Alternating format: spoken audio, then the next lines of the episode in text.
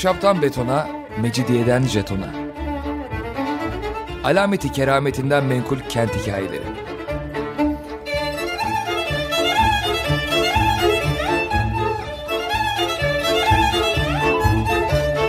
Hazırlayan ve sunan Pınar Erkan.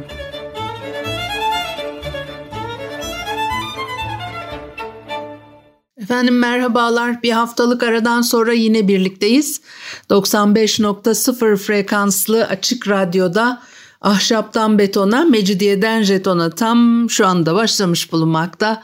Anlatıcınız ben Pınar Erkan. Elektronik posta adresim pinarerkan.yahoo.co.uk Bugün size Aziz Polioktos Kilisesi'nden bahsetmek istiyorum.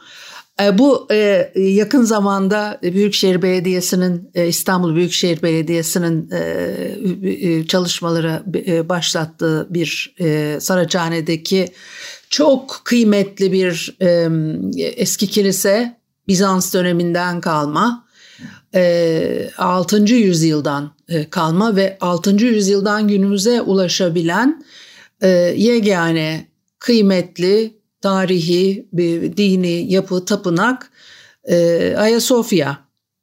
Tabii Poliuktos Kilisesi de ayakta kalmamış, sadece temelleri kalmış ama o dönemde e, henüz daha e, Ayasofya yokken Polioktos Kilisesi var ve e, çok görkemli, büyük, dünyanın en büyük kiliselerinden biri hatta birincisi diye anlatılıyor. E, günümüze e, sadece temelleri kalmış. Üstelik de 1960'lı yıllara kadar nerede olduğu da bilinmiyordu. Çok enteresan da bir hikayesi var. Onu sizinle paylaşmak istiyorum. Aslında e, Bizans İmparatorluğu'nun kadın banilerinin yapılarını anlatmak isteyeli şok oluyor da bir türlü sıra gelmedi. Şimdi de bu muhteşem çalışmayla beraber bu konuyu konuşabiliriz. Gerçekten de çok e, denk düştü, iyi oldu. E, e, Aziz Polioktos bir Malatya'da Hristiyanlık uğruna hayatını kaybetmiş azizlerden bir tanesi. o ilk Hristiyanlığın ortaya çıkışı ve yayılış döneminde biliyorsunuz azizler böyle e, din için, Hristiyanlık için canlarını veren insanlar e, Hristiyanlık e, e, mensupları için birer aziz ve ondan sonra onların adına da e, kiliseler e, yapılıyor. Aziz e, Polioktos da onlardan bir tanesi ve de İstanbul'daki e, kilise e, Anikia Juliana tarafından yaptırılmış e, Malatya'da hayatını kaybeden Aziz Polioktos'a e, ithafen ismi de oradan e, geliyor. Mese çok önemli bir yol. Bizans döneminin ana yolu şehir içinde. Bugünkü divan yolu Mese'ye denk geliyor ama Çatal'a ayrılır. Bir kolu Yedikule tarafına, bir kolu Edirne kapı tarafına gider. Üstelik de o yolların da e, güzergahı tam e, bilinmez. Laleli e, civarında ikiye ayrıldığı e, düşünülür ve oralarda da ilginç hikayeler var. Şimdi o Mese Caddesi boyunca Theodosius formundan geçiyorsunuz. Havaryun Kilisesi'ne e, varana kadar bir resmi geçit güzergahı burası ve Anikya'nın kendi sarayı da buradaymış. Anikya çok önemli bir kişilik 461 senesinde doğduğu düşünülüyor. Ee, imparatorluk e, prensesi birkaç jenerasyon e, soylu aile oldukları için de e, Patricia ünvanı var ve de kendi yaşadığı dönemde çok dindar birisi öyle oluyorlar. Hristiyanlığı kabul etmişler. Ondan sonra da bir e, o dönemin e, sofu e, dindar e, kişilik karakterleri karşımıza çıkıyor. Onlar zaten o tarihi çok e, zenginleştiren e, insanlar. Şimdi tabii Justinian ve Theodora'yı beğenmiyor. Çünkü onları bu görevi hak etmediklerini, imparator, imparatorluk, imparator çelik görevini hak etmediklerini, kendisinin, eşinin, kendi ailesinin bu makamları hak ettiğini düşünüyor. Çünkü kendisi soylu diğeri o kadar da soylu olmayan bir e, geçmişe sahip. Beğenmiyor onları. E, bir çekişme olduğu anlaşılıyor. Şehir içinde görkemli yapılar inşa etmek bir güç göstergesi, iktidar göstergesi. Aynı zamanda yöneticilerin toplumla ilgili duyarlılıkları olduğunu, topluma hizmet anlayışları, duyguları olduğunu ortaya koymalarını sağlayan bunlara e, prestij getiren e, davranışlar. Onun için e, e, bu kadar zaten e, büyük ölçekli özellikle büyük programlı dini yapıları e, Bizans döneminde imparatorlar, imparatoriçeler ve yönetici kesimini inşa ettirmesi Osmanlı döneminde de benzer şekilde yine sultan, sultan, sultan ailesi ve işte yönetici sınıf bu tür yapıları yaptırır. Onun haricinde de 18. yüzyıla gelene kadar öyle e, varlıklı olan, çok zengin olan insanların şuraya şöyle de bir kocaman külliye yaptırayım da efendim işte şuraya da bir şöyle bir yapı yaptırayım da şanım yürüsün ne kadar güçlü bir insan olduğumu görsünler falan diye e, bir tavır içine girmek çok mümkün değildi. E, bütün o e, dikili taşlar, e, Ayasofya, Ayasofya gibi yapıların inşa edilmesi hep e, bu sebeple. Polioktos e, Kilisesi'nin de böyle bir enteresan hikayesi var. Bir kere o zamanların gene e, geleneklerinden, anlayışlarından bir tanesi kendi sarayının yanına kiliseyi inşa ettiriyor. Temel amaç e, kendi mezarlığını da hazırlamak e, ve de bir yapıyla tarihte kalıcı bir yer iddiasında bulunarak ölümsüzlüğe e, ulaşmak. Orada soyunun soyundan duyduğu gururun da altı çiziliyor bir kitabesi var. İnanılmaz görkemli bezemeler, o kitabeler, o kitabelerde yer alan dizeler o yapının nasıl inşa edildiğini anlatıyor. Ee, bunların her biri e, çok enteresan. Bize o dönemlerde bu görkemli yapıların niçin nasıl e, yapıldığını e, anlatan belgeler. 1964 senesinde yapıyı buldukları zaman inşaatta kullanılan tuğlaların büyük çoğunluğunun üzerinde tarih bildiren haç şeklinde damgalar görülüyor o edebi kaynaklardaki kronolojik bilgilerle karşılaştırıldığı zaman da kilisenin inşasına 524 yılında başlandı anlaşılıyor. Anikya 528 e, senesinde ölmüş. Onun ölümünden bir yıl önce e, tamamlandığı anlaşılıyor. O arada da henüz daha ortada Ayasofya yok. Bizim bildiğimiz Ayasofya yok. Biliyorsunuz Ayasofya bir kere inşa edilmedi e, e, henüz daha nikah, nikah ayaklanması olmamış. Ama zaten e, Anikya bunların hiçbirisini e, görmedi. Kilisenin e, ölçülerinin e, kutsal kitaptaki e, belirtilen Süleyman'ın sarayının ölçülerine uygun olduğu e, anlatılır ve de e, zaten e, o 72 dize aklımda yanlış kalmadıysa kilisenin içinde boydan boya saçakları geçiyor ve burada hem Anikya'nın ailesi geçmişi bu kiliseyi niçin yaptırdığıyla ilgili hem de e, ne amaçla e, böyle bir şeye e, giriştiğini de anlatan e, pasajlar ve dizeler e, içeriyor. Kapının girişine yazdıkları dizelerde e, Anikyus, e, Juliana'nın Hazreti Süleyman'ı bile geçtiği e, iddiasında bulunuyor. E, bir tek o zamanı yenmiş ve şöhretli Süleyman'ın bilgeliğini aşmıştır. Zengin işçiliğin ve zarih, e, zarif ihtişamının çağlar boyu dillerden düşmeyeceği, e, Tanrı'yı kabul edecek bir e, tapınak dikerek şeklinde ifade buluyor.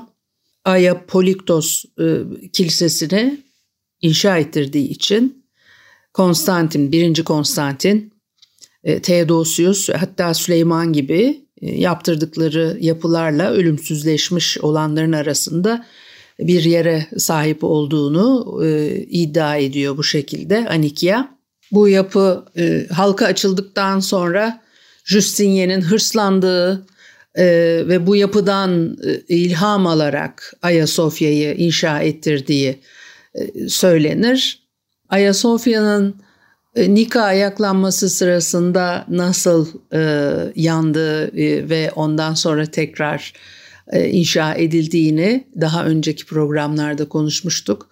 Birçok etken elbette e, bu yapıların inşası için e, söz konusudur. E, muhakkak Anikya'nın e, tavrı ve bu kadar görkemli bir yapı inşa ettirmiş olması da etkili olmuştur.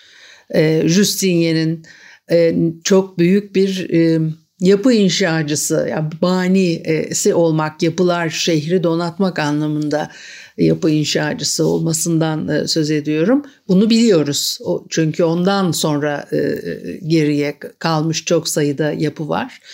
E, Polioktos Kilisesi e, kullanılmıyor. Zaman içerisinde öyle kalıyor. E, metruk hale geliyor. Bir de e, deprem olmuş. O depremle de e, yıkıldığı anlaşılıyor. Ve zaman içinde de öyle e, geriye ondan bir şey e, kalmamış, yok olmuş, gitmiş. Peki ondan sonra 1960 senesinde nasıl buluyorlar yapıyı? Ee, ve tavus kuşlarından da biraz söz etmek istiyorum. O tavus kuşları gerçekten çok enteresan. Bir müzik arası ondan sonra devam edelim. Efendim Açık Radyo'da ahşaptan betona, mecidiyeden jetona devam ediyor. Haliyle e, Pınar Erkan'ı dinlemektesiniz ve de Polioktos Kilisesi'ni e, konuşuyorduk. 527 e, senesinde kilise bitti.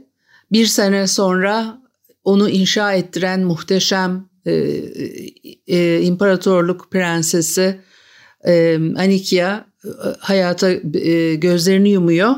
E, dolayısıyla da bir süre sonra inşa ettirilen birkaç yıl sonra 532'den sonra inşa ettirilen e, Ayasofya'nın o büyük e, görkeminin kendi kilisesinin geçtiğini e, göremiyor.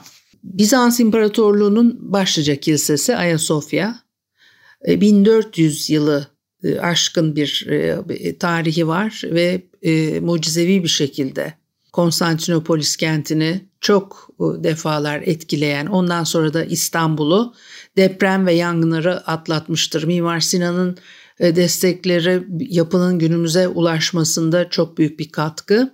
Ama kendi inşa edildiği dönemde 6. yüzyılda şehrin tek büyük, önemli ve görkemli kilisesi veya yapısı e, değildi. İşte Polioktos Kilisesi'nin İstanbul Büyükşehir Belediyesi tarafından şimdi yeniden canlandırılan kazılarıyla e, ayağa kaldırılmaya çalışılması gibi e, çabalarla ancak e, geçmişte İstanbul'daki görkemli yapıların neler olduğunu bilebilme imkanımız var. E, çok kayıplar var. Şehrin altı her yer tarihi eserlerle dolu. E, o haliyle de şehre e, hayal etmek zor. Bazı yapıların nerede olduğunu bilmiyoruz bile. Yapıların varlığını biliyoruz ama tam olarak nerede olduklarını e, bilmiyoruz. Dolayısıyla da 6. yüzyılda şehirde e, çok görkemli başka birçok yapının da olduğu anlaşılıyor. Deprem ve yangınlar, savaşlar nedeniyle bu yapıların yok olduğunu söylemiştim. Polioktos Kilisesi'nin de e, bazı bölümleri Avrupa'ya götürüldü. Çünkü Latin istilası sırasında da o parçalar çok şahane e, e, bezemeleri var. İçinde çok e, görkemli parçaları var. Bunları Avrupa'ya taşıyorlar. Şehirde taşıdıkları birçok şey gibi. Hani baksak neredeyse İstanbul'un epey büyük bir kısmının Avrupa'ya taşınmış olduğunu bile e, söyleyebiliriz neredeyse. E, orada duruyor bir kısmı, bir kısmı geri geldi ama büyük bir kısmı orada varlığını sürdürüyor. 1960 senesinde İstanbul'un göbeğinde bir keşiftir bu o zaman için. Saraçhane'de bir yeni belediye binası için e, buldozerler zemini kazıyor tuğla, taştan büyük temellerle mermer bloklarla e, karşılaşıyorlar. Onun içinde arkeologlar binanın kimliğini belirlemek için kazıya başladılar. Sonrasında e, son derece e, e, zengin desenlerle bezeli, e, kimilerinde Yunanca bir yazıtın parçalarını barındıran kornişler, pervazlar, payandalarla sütunlara ait parçalar e, ortaya çıkmaya başladı. çalışan e, bilim insanları bunların hepsini e, sınıflandırıyorlar e, ve de e, derliyorlar. O meşhur ölçülü uzun şiirin e, parçası olan sözlükleri de tanıyorlar. E, kilisenin Anikia Juliana tarafından yaptırılmış e, kitabesinde uzun bir e, kitabe. Orada o dizeleri de bulup e, Polioktos Kilisesi olduğuna kesin kanaat getiriyorlar elde edilen buluntuların ve bu, bu müthiş bir keşif oluyor o dönem için. E, paylaşacağım e, o görselleri planı ne kadar Ayasofya'ya benzediğini siz de e, fark edeceksiniz. Ayasofya'ya benzediğini diyorum ama Ayasofya'dan önce inşa edilmiş olduğunu unutmamak kaydıyla. E, yaklaşık 51,5 metre uzunluğu, 52 metre eni hemen hemen kare şeklinde e, devasa e, boyutlarda. E, yüksek temelleri taban yüzeyini zeminden 5 metre yukarı e, çekmiş e, ve de sütun başlarında muhteşem zenginlikler. Stilize meyve ağaçları, hurma palmiyeleri, nar ağaçları, hurma yaprağı desenleri var. E, ve payanda başlıklarının da Bizans'ta daha önce bilinmeyen bir tarzda kenar süslemeleri, örgülü desenlerle kaplamışlar. O mihrabın üzerinde sayvan, ametist, e, turkuaz, lacivert taşı gibi yarı değerli taşlarla bezeli sütunlarla ayakta tutuluyor. Çok çeşitli mozaik parçaları, e, işlemesiz yüzeylerin yarım kubbenin içinde altın bir arka plan e, üzerinde e, çeşitli figüratif kompozisyonlarla ve başka yüzeylerde soyut desenlerle süslenmiş. Ağırlıklı olarak da mozaiklerde koyu maviler ve yeşiller var. Saçaklıklardaki asma sapları, üzümler e, bunlar çok önemli. Her birinin e, sembolik anlamları var.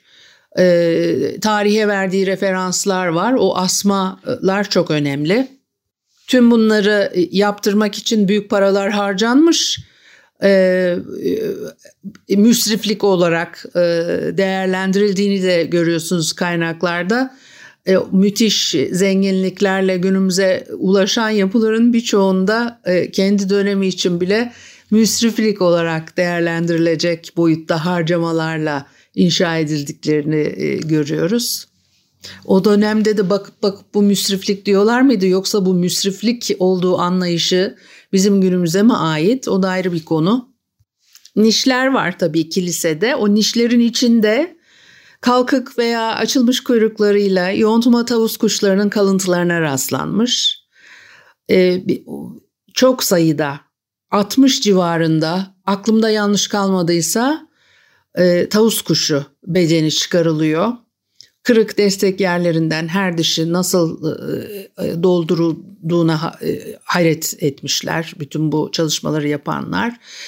O kazılar yapılırken kilisenin içinde özgün halinde ee, şimdi e, başka bir kaynaktan gözüme çarptı 60 diye 60 30'muş sayı. 30 tavus kuşu belirlenmiş. O kuşların onları çevreleyen asma desenleri, o yazıtların özgün görünüşünü tekrar oluşturmaya yetecek sayıda e, parçada boya izlerine rastlanmış.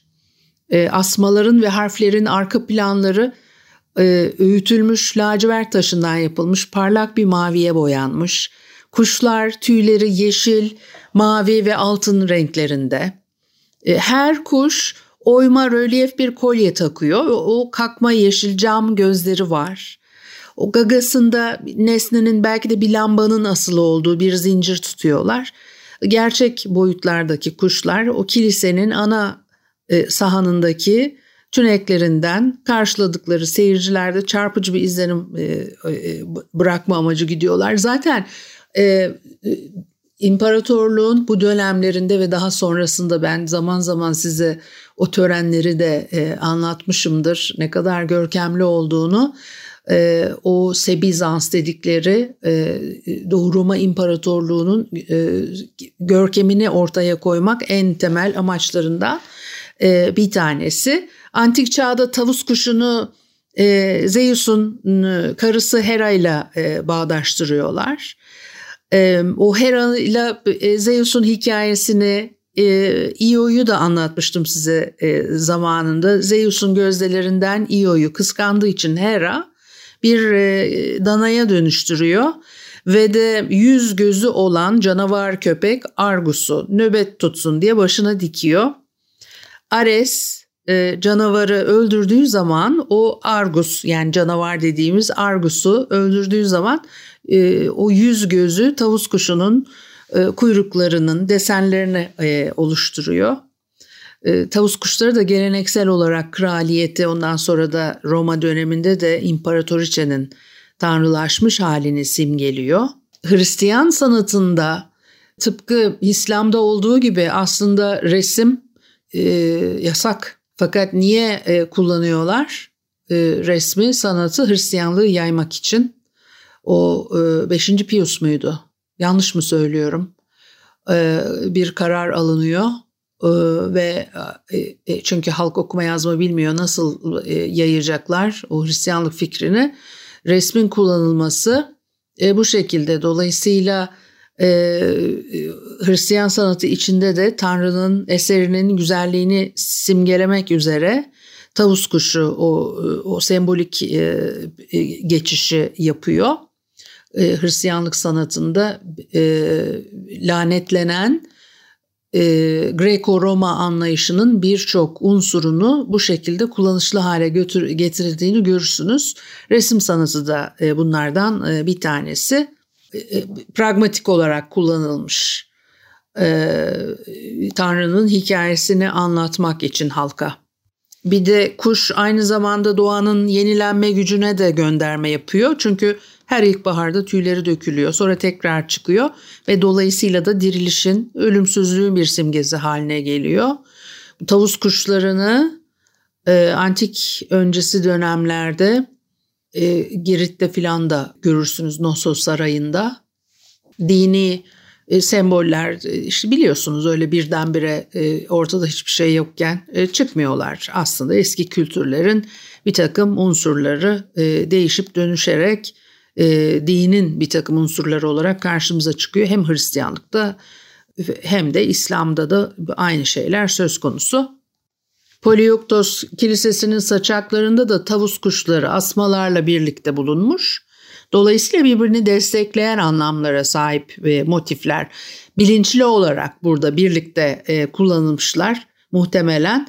Asmalar e, antik sanatta şarap tanrısı Dionysos'la bağdaştırılır o e, eski antik vazolarda sıkça e, betimlenen alemleri e, e, asmalarla çevrili. Dolayısıyla asmaların herhangi bir şekilde tasviri e, genellikle Baküsçü uğraşlarla e, bağdaştırılıyor. Fakat tavus kuşları gibi asmalar da Hristiyan anlamlar kazanmışlar ve bir biçimde ekmek şarap ayinindeki şarabı veya İsa'nın yaşamın yenilenmesini simgelesin diye kullanılmaya devam ediyorlar.